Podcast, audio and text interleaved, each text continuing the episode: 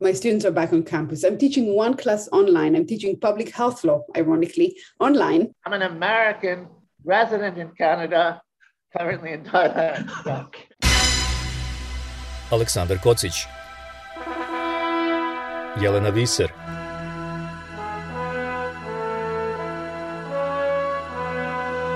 Radio Karantin Hronika istorije u nastajanju Pre tačno 120 godina severoistok Sjedinjenih država pogodila je epidemija velikih boginja. Zbog toga su vlasti u Bostonu i obližnjem Kembridžu naredila obaveznu vakcinaciju svih stanovnika. Ali nisu svi građani pristali da se vakcinišu, tvrdeći da obavezna vakcinacija narušava njihove lične slobode garantovane Ustavom. Jedan od buntovnika, sveštenik Henning Jakobson, zainatio se i stigao do Vrhovnog suda. Jakobson je na sudu rekao da je on protiv iste bolesti bio vakcinisan i u rodnoj Švedskoj, kada je imao šest godina, i da je zbog toga kasnije imao velike probleme. Zato je u Cambridgeu u Massachusettsu odbio vakcinu za sebe i sina. Ipak izgubio na sudu. Najviši američki sud doneo je 1905. odluku kojom potvrđuje pravo lokalnih vlasti da u razumnoj meri mogu da naruše lične slobode građana tokom zdravstvene krize, tako što će novčano kazniti one koji odbiju da se vakcinišu.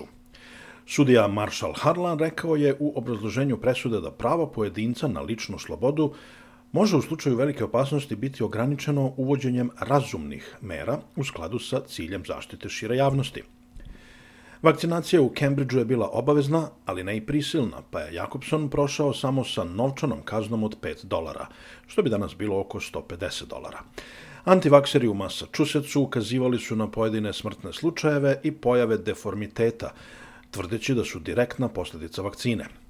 Nazvali su obaveznu vakcinaciju najvećim zločinom tog doba koji će pokositi hiljade i hiljade dece. Lokalna štampa je pak celu stvar opisala kao sukob inteligencije i neznanja, civilizacije i varvarstva. Inače, 1901. godine u Bostonu bilo je zabeleženo 1596 slučajeva velikih boginja, a tokom epidemije, koja je trajala oko dve godine, od ove bolesti umrlo je 270 ljudi.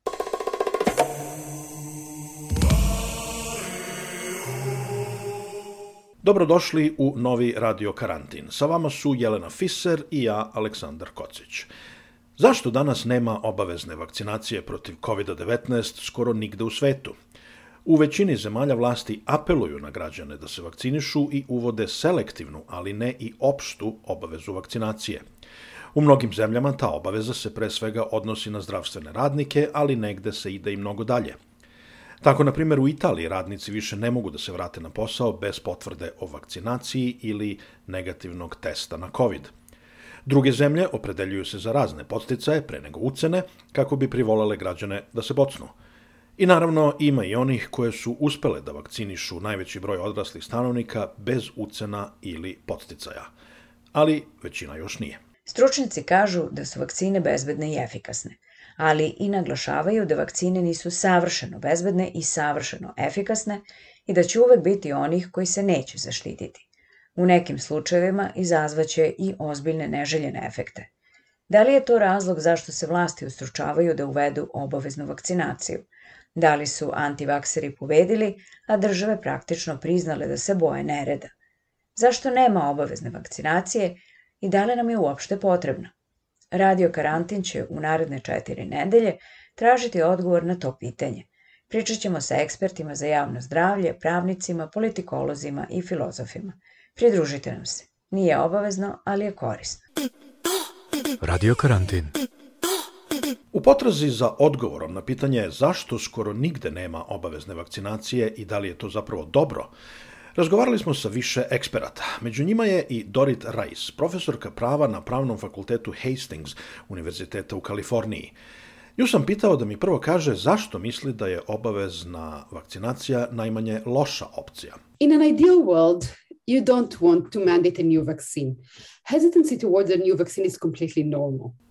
The Delta uh, variant changed the game on us. Pa u idealnom svetu obaveznu vakcinaciju ne morate da uvodite, zato što je otpor prema svakoj novoj vakcini nešto sasvim normalno. Poslednjih nekoliko decenija sa svakom novom vakcinom u početku je prihvatanje išlo sporije, a posle bolje.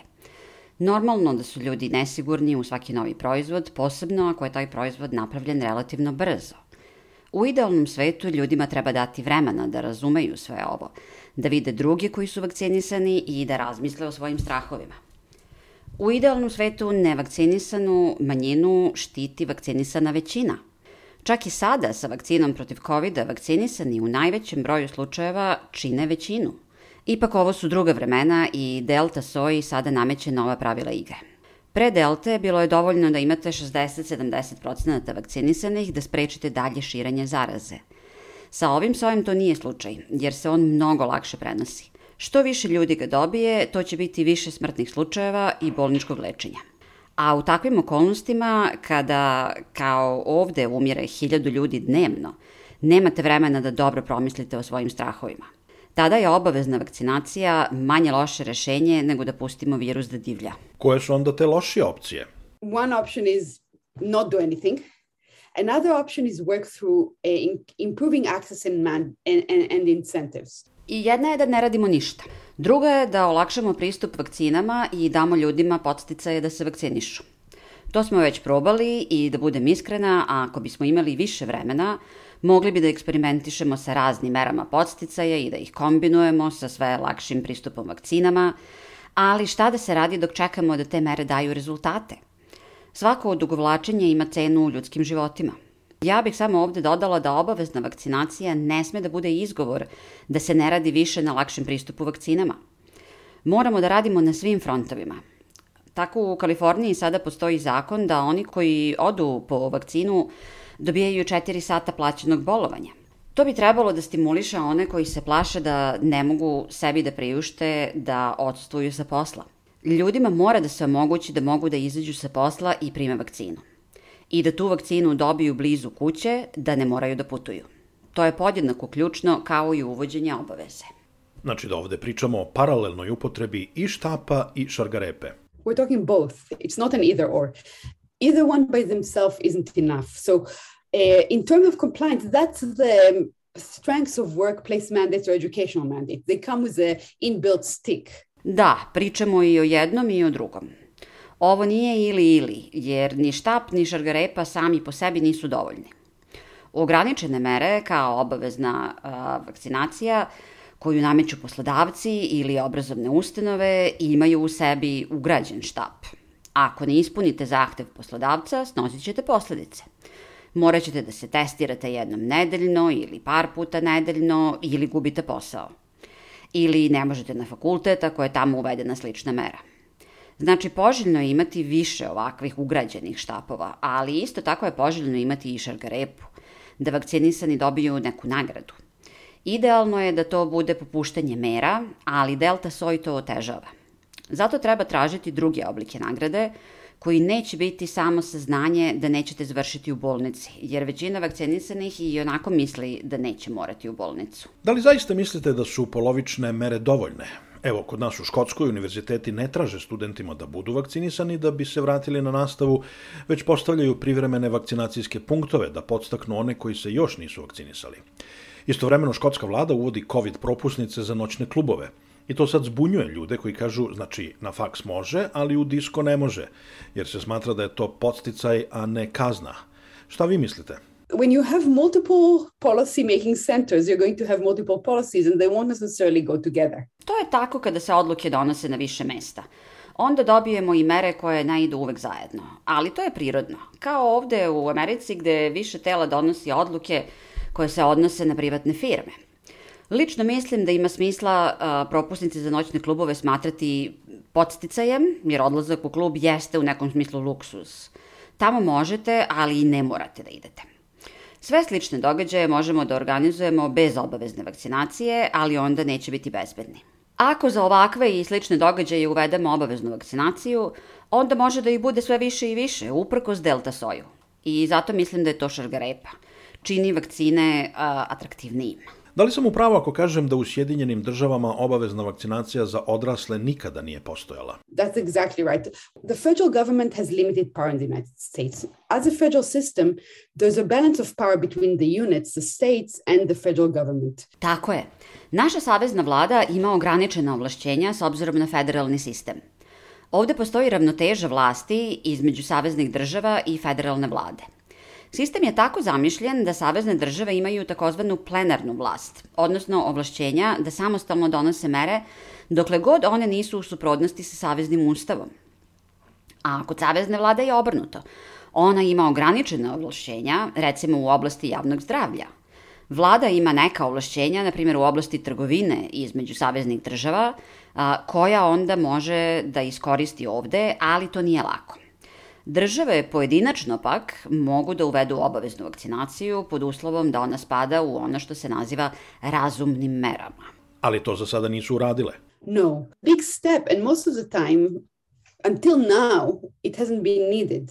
The, for example, uh, childhood diseases have uh, been brought under control with mostly school mandates. Ne, ustručavaju se jer je to krupan korak i za sada nije bio neophodan. Dečije bolesti, na primer, drži se pod kontrolom um, kroz delimičnu obavezu koja ide preko pristupa školskom sistemu. Opšta obavezna vakcinacija za odrasle nije za sada bila potrebna. Imali smo delimičnu u Njujorku, gde je uvedena u tri opštine zbog epidemije malih boginja 2019. A, tada je uvedena kazna od 1000 dolara za one koji odbiju vakcinu. SAD nisu jedina zemlja bez obavezne vakcinacije. Zapravo samo četiri zemlje na planeti su je uvele, dok ostatak sveta misli da nije potrebna.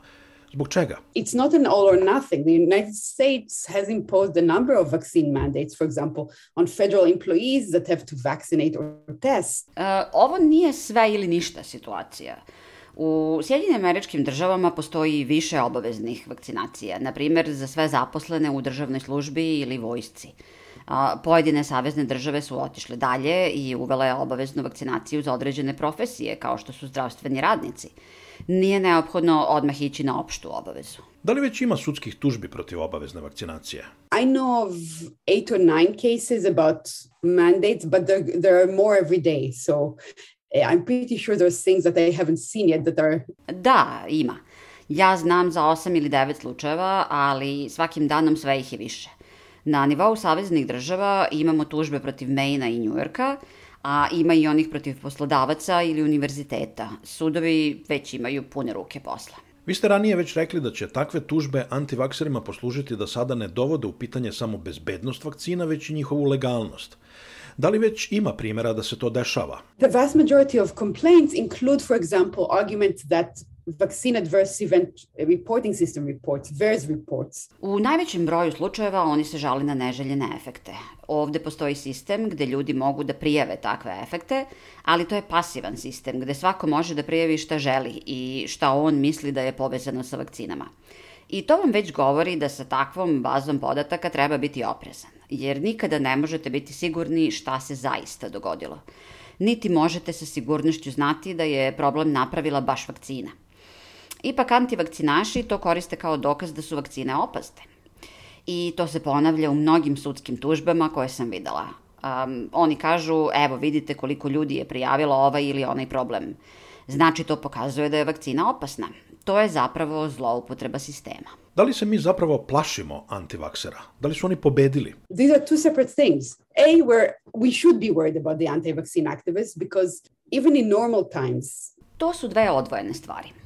Antivakseri treba da nas brinu i u normalnim vremenima, kada dopiru do samo malog broja ljudi, jer i pad od 5% u stopi vakcinacije može da znači razliku između izbijanja epidemije ili ne, između života i smrti. A ovo nisu normalna vremena. Ljudi su zabrinuti, nervozni i traže odgovore.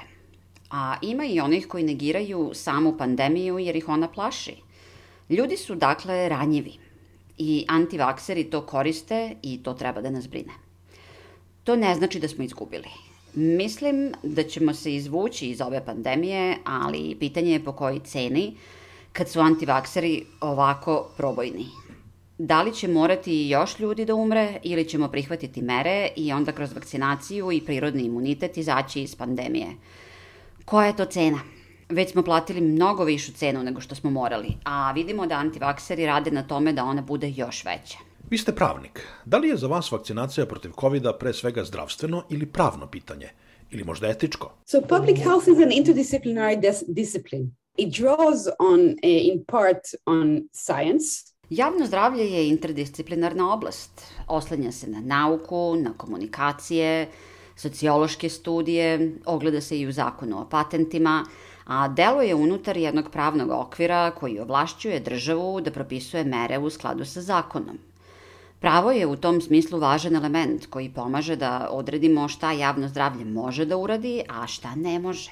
Upada u oči da obavezna vakcinacija nije uvedena ni u autoritarnim društvima poput Kine, na primer. Remember that the state doesn't have to go forward and say there's a mandate to um, make people take the vaccine if they have general control over their uh, lives otherwise. Ali nemojte zaboraviti da država ne mora glasno i jasno da kaže da uvodi obavezu kako bi vakcinisala ljude ako već ima kontrolu nad njihovim životima.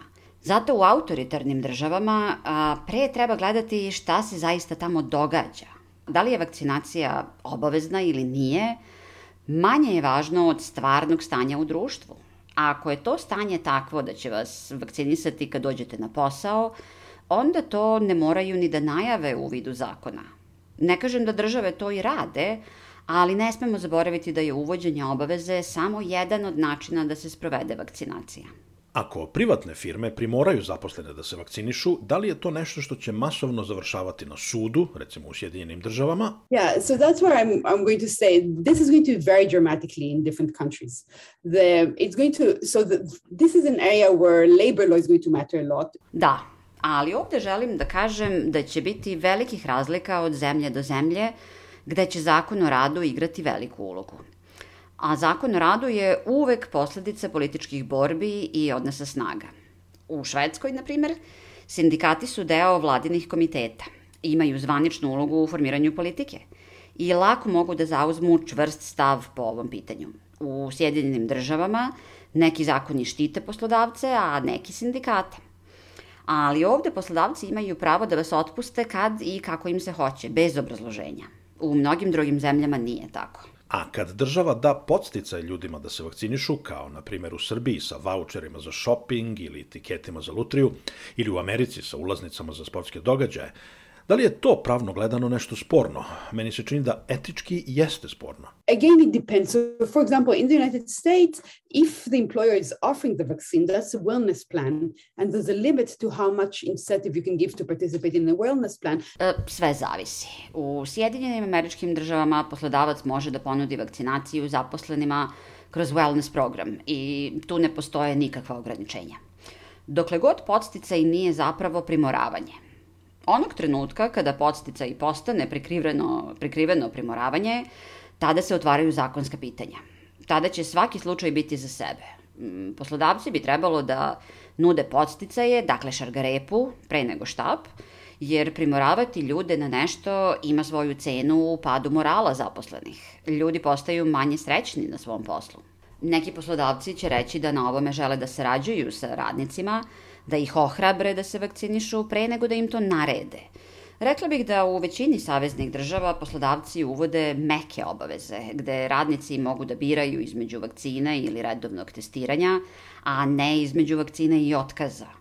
I ovo prvo je uvođenje obaveze, ali sa blažim posledicama za one koji odbiju. Recite mi na kraju, da li ste optimista? I'm a cautious optimist. I try, yes. I, I think I think we'll get out of this. I think we'll pay a higher price than we should.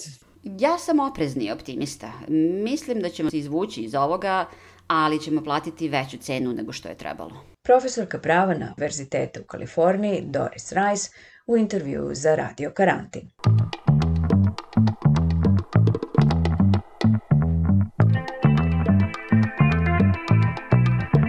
Radio Karantin. Sa druge strane su oni koji smatraju da obavezna vakcinacija nije dobro rešenje u ovoj krizi. Jedan od njih je direktor Centra za bioetiku Univerziteta u Torontu, Peter Newman. On misli da se uvođenjem obaveze jedna efikasna i rutinska intervencija u javnom zdravlju potencijalno pretvara u ozbiljen konflikt. Zašto? to some extent, that's already happened in the US, not because of mandates, but because of the unfortunate over politicization of vaccination by the former incompetent administration. Donekle to se već dogodilo u SAD zbog politizacije vakcinacije od strane bivše nesposobne administracije. Sada administracija više prati javno zdravlje i nauku, ali, nažalost, teško seme političke vakcinacije već je posejano. U scenariju koji odmah nalaže vakcine, mislim da rizikujete da izgubite veliki procenat nevakcinisanih, od kojih nisu svi uporni antivakseri. Neki jednostavno još nisu imali pristup vakcini. Neki od njih potiču iz marginalizovane populacije, poput, na primjer, u Severnoj Americi crnaca, starosedelaca, koji nisu nužno zaraženi teorijama zavere, ali imaju legitimno nepoverenje u vladu i javno zdravlje, zbog stvari koje su im se dogodile u prošlosti. Dakle, ako odmah nametnete obaveznu vakcinaciju, izgubit ćete još možda 20% populacije. Sve što trebate učiniti je promocija, obrazovanje i poštovanje. Morate imati komunikatore kojima zajednica veruje i koji ne moraju biti iz oblasti javnog zdravlja, možda je to sveštenik u crkvi. I zato se to mora učiniti ciljano, na veoma pametan način i razgovarati o tome sa poštovanjem. Takođe, što je važno, učiniti vakcinu super dostupnom, da ne morate putovati 3 sata ili propustiti odlazak na posao. Neki ljudi u Kanadi su se uplašili, razumljivo, jer su radnici na prvoj liniji imali samo nekoliko slobodnih dana godišnje. Imali su nekoliko dana bolovanja, plašili su se da mogu imati neke neželjene efekte. Nisu se plašili da će umreti od vakcine. Vakcine su dostupne već 9 meseci, bar u razvijenom svetu. Zašto nismo došli do tačke kada se obavezno vakcinisanje čini neophodnim? So, I mean, I think that that's where we have like it has to be more particularized on a, on a country by country basis. To mora da bude detaljnije određeno od zemlje do zemlje. To svakako znači da su Sjedinjene države u drugačijem položaju od nekih drugih zemalja u smislu nedostatka pristupa vakcinama. Oni imaju tri puta veću količinu vakcina od one koja im je potrebna, Za sada je malo verovatno da će na saveznom nivou postojati obavezna vakcinacija, međutim, to se polako dešava. Federalni radnici moraju da dobiju vakcinu, inače moraju da se testiraju rutinski, prilično često. Neke velike kompanije traže da ako želite da se vratite na posao, morate da budete vakcinisani. To je prilično jasna situacija, međutim, to nije baš obaveza nametnuta od vlade, što bi neke ljude dodatno polarizovalo. Više od 600 koleđa i univerziteta širom SAD uvode obaveznu vakcinaciju za studente. Dakle, obavezne vakcinacije počinju da se uvode u SAD, samo što savezna vlada voli da kaže da to zavisi od države do države. Nažalost, neke od tih država sada su zagušene COVID-om zbog smešnih političkih stavova guvernera država, jer su pokušali da kažu da je nezakonito nalagati čak i nošenje maske. Ne samo Sjedinjene američke države, već čitava Evropa, zapadna i istočna, kao i autoritarne države poput Rusije ili Kine, nerado uvode obavezno vakcinisanje. Zbog čega? I honestly cannot speak for Russia or China, but I do wonder if some of these same issues may exist in that context. Iskreno ne mogu da govorim o Rusiji ili Kini, ali pitam se da li neki od ovih problema jesu u kontekstu toga da ljudi kažu ako je vaša vakcina tako dobra, zašto morate da me primoravate da je uzmem? Iskreno ne mogu govoriti dalje od onoga što znamo šta se tamo dešava. U nešto demokratskijim zemljama postoji pravilo da ako prejako pritisnete, prebrzo dobijete reakciju. Poslužit ću se primjerom vakcine protiv HPV-a. Postoji procenat ljudi koji tokom vremena razviju rak zbog virusa humanog papiloma i to je rak koji se zapravo može sprečiti vakcinom. Neki tipovi raka, Međutim, farmaceutske kompanije su pokušale da promovišu svoj proizvod i to suviše napadno po mom i shvatanju drugih ljudi. I onda se izgubila ideja da je to dobar proizvod i ljudi su počeli da koriste besmislene argumente da je odbiju. COVID je očigledno mnogo više ispolitizovan, tako da imamo primere drugih vakcina gde uvođenje nije bilo pažljivo. Nauka o razvoju lekova, kliničkim ispativanjima razvoja vakcina je veoma važna nauka i to je moje drugo pitanje. Društveni naučnici bi trebalo više da se uključe i pomognu i pre nego što se pristupi uvođenju nekog leka. Zato što su to stručnjaci koji se bave ljudskom psihologijom i donošenjem odluka i često nisu nužno medicinski stručnjaci. I oni nisu loši, već ljudima žele samo najbolje. Pomenuli ste značaj obrazovanja i promocije. Kako biste ocenili ono što je urađeno u Sjedinjenim američkim državama, odakle ste vi, ili u Kanadi gde radite, ili eventualno Tajlandu gde trenutno živite, u smislu promocije vakcine protiv COVID-19? But situation of, you know, an extremely unusual, crazy government under the last one, Trump, that, you know, it was already going to be political, but they took it to the nth degree. Situacija je pod suludom Trumpovom administracijom ispolitizovana do nezamislivog nivoa. Čak i sada republikanci neće reći da su se vakcinisali jer je to nekako mimo partijske linije. SAD su došle do jedne užasne situacije. Iskreno, iz moje perspektive, nažalost, poruke američkog CDC-a su zamućene jer oni i dalje podležu nekim vladinim pravilima i pod Trumpovom administracijom bili su prigušeni. Otpustili su ljude koji su govorili istinu. Dakle, kad ozbiljno politizujete organizaciju koja bi trebalo da rukovodi dokazima u nauci, to stvara problem. Ne može da se preokrene za dan ili dva. Kanada je možda malo bolje, ali mislim da postoji i tamo izazov ljudske sklonosti da stvari vidi crno-belim. I tu je široko rasprostanjeno nerazumevanje i upotreba pogrešnih reči. Niko nikada nije rekao da je vakcina protiv covid 100% efikasna. Ali ljudi vide, o, neko se vakcinisao čak i dva puta i još uvek su dobili COVID, nešto nije u redu sa ovom vakcinom. Činjenica je da nema vakcine za koju znam koja je 100% efikasna. Ne postoji, to nije magična stvar. Dakle, ono što vakcine protiv covid rade jeste izuzetno slično. Zaštićeni ste od toga da se jako razbolite, odete u bolnicu, na intenzivnu negu i umrete.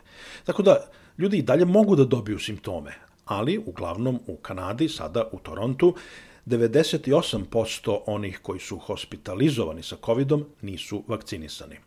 Dakle, neću da krivim širu javnost, ali postoje neke rupe u porukama o vakcinaciji. Mislim da je trebalo uneti malo više iskrenosti unapred.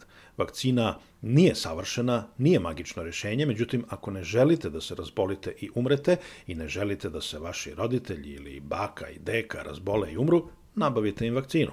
Možete živeti sa simptomima gripa. Da li je vakcinacija protiv COVID-19 etičko ili čisto medicinsko pitanje?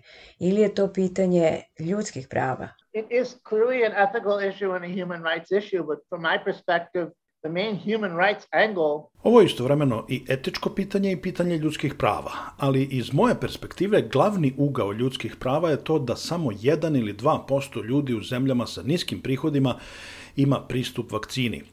To je i etičko pitanje i pitanje ljudskih prava. To je za mene glavno etičko pitanje. Vakcinacijski nacionalizam i nejednakost u raspodeli vakcina. Da li ste optimista da ćemo sa vakcinom uskoro izaći iz pandemijske krize? Yeah, I mean, I think I'm a I'm a pragmatist, and I do think that as with past pandemics, we will get out of this soon. Mislim da sam pragmatičar i da ćemo, kao i sa prošlim pandemijama, uskoro izaći iz ovoga. Nije samo vakcinacija rešenje, već je to kombinacija vakcinacije zajedno sa drugim javno-zdravstvenim merama, poput odgovarajuće zaštite maskama u zatvorenim prostorima, čak i u školama i fizičkim distanciranjem. Ali sve dok imamo ozbiljnu nejednakost u raspodeli vakcine, ne možemo držati pandemiju pod kontrolom u Evropi ili SAD, ako se ona izmiče kontroli u, ne znam, Južnoj Africi ili Jugoistočnoj Aziji, je li tako? To je virus, Dakle, za mene je glavni izazov osigurati pristup vakcinama i u ovim siromašnim zemljama i to je ozbiljno etičko pitanje, ali i način da se ova bolest drži pod kontrolom. Bio je to Peter Newman, direktor Centra za bioetiku Univerziteta u Torontu. Radio karantin. Radio karantin će svake srede tokom oktobra nastaviti da razmatra pitanje obavezne vakcinacije – Naši gosti bit će u Kopenhagenu Michael Bank Petersen i u Utrehtu Roland Pirik. Pored toga, beogradski lekar i ekspert za javno zdravlje Dragoslav Popović svim zemljama svijeta mi imamo situaciju u kojima postojeći legalni okviri dozvoljavaju da se uh, uvede nešto što je obavezna vakcinacija u slučaju uh, pandemije Bila je ovo prva emisija u novoj trećoj sezoni podcasta Radio Karantin. Slušajte nas na platformama SoundCloud i Deezer i pratite nas na Facebooku. Podržite naš rad jednokratnom ili redovnom mesečnom uplatom preko Paypala ili Patreona. Detaljno o tome na našem web sajtu radiokarantin.eu. Hvala na pažnji. Pozdravljaju vas Aleksandar Kocić u Glazgovu i Jelena Fiser u Utrehtu. Aleksandar Kocić Jelena Viser.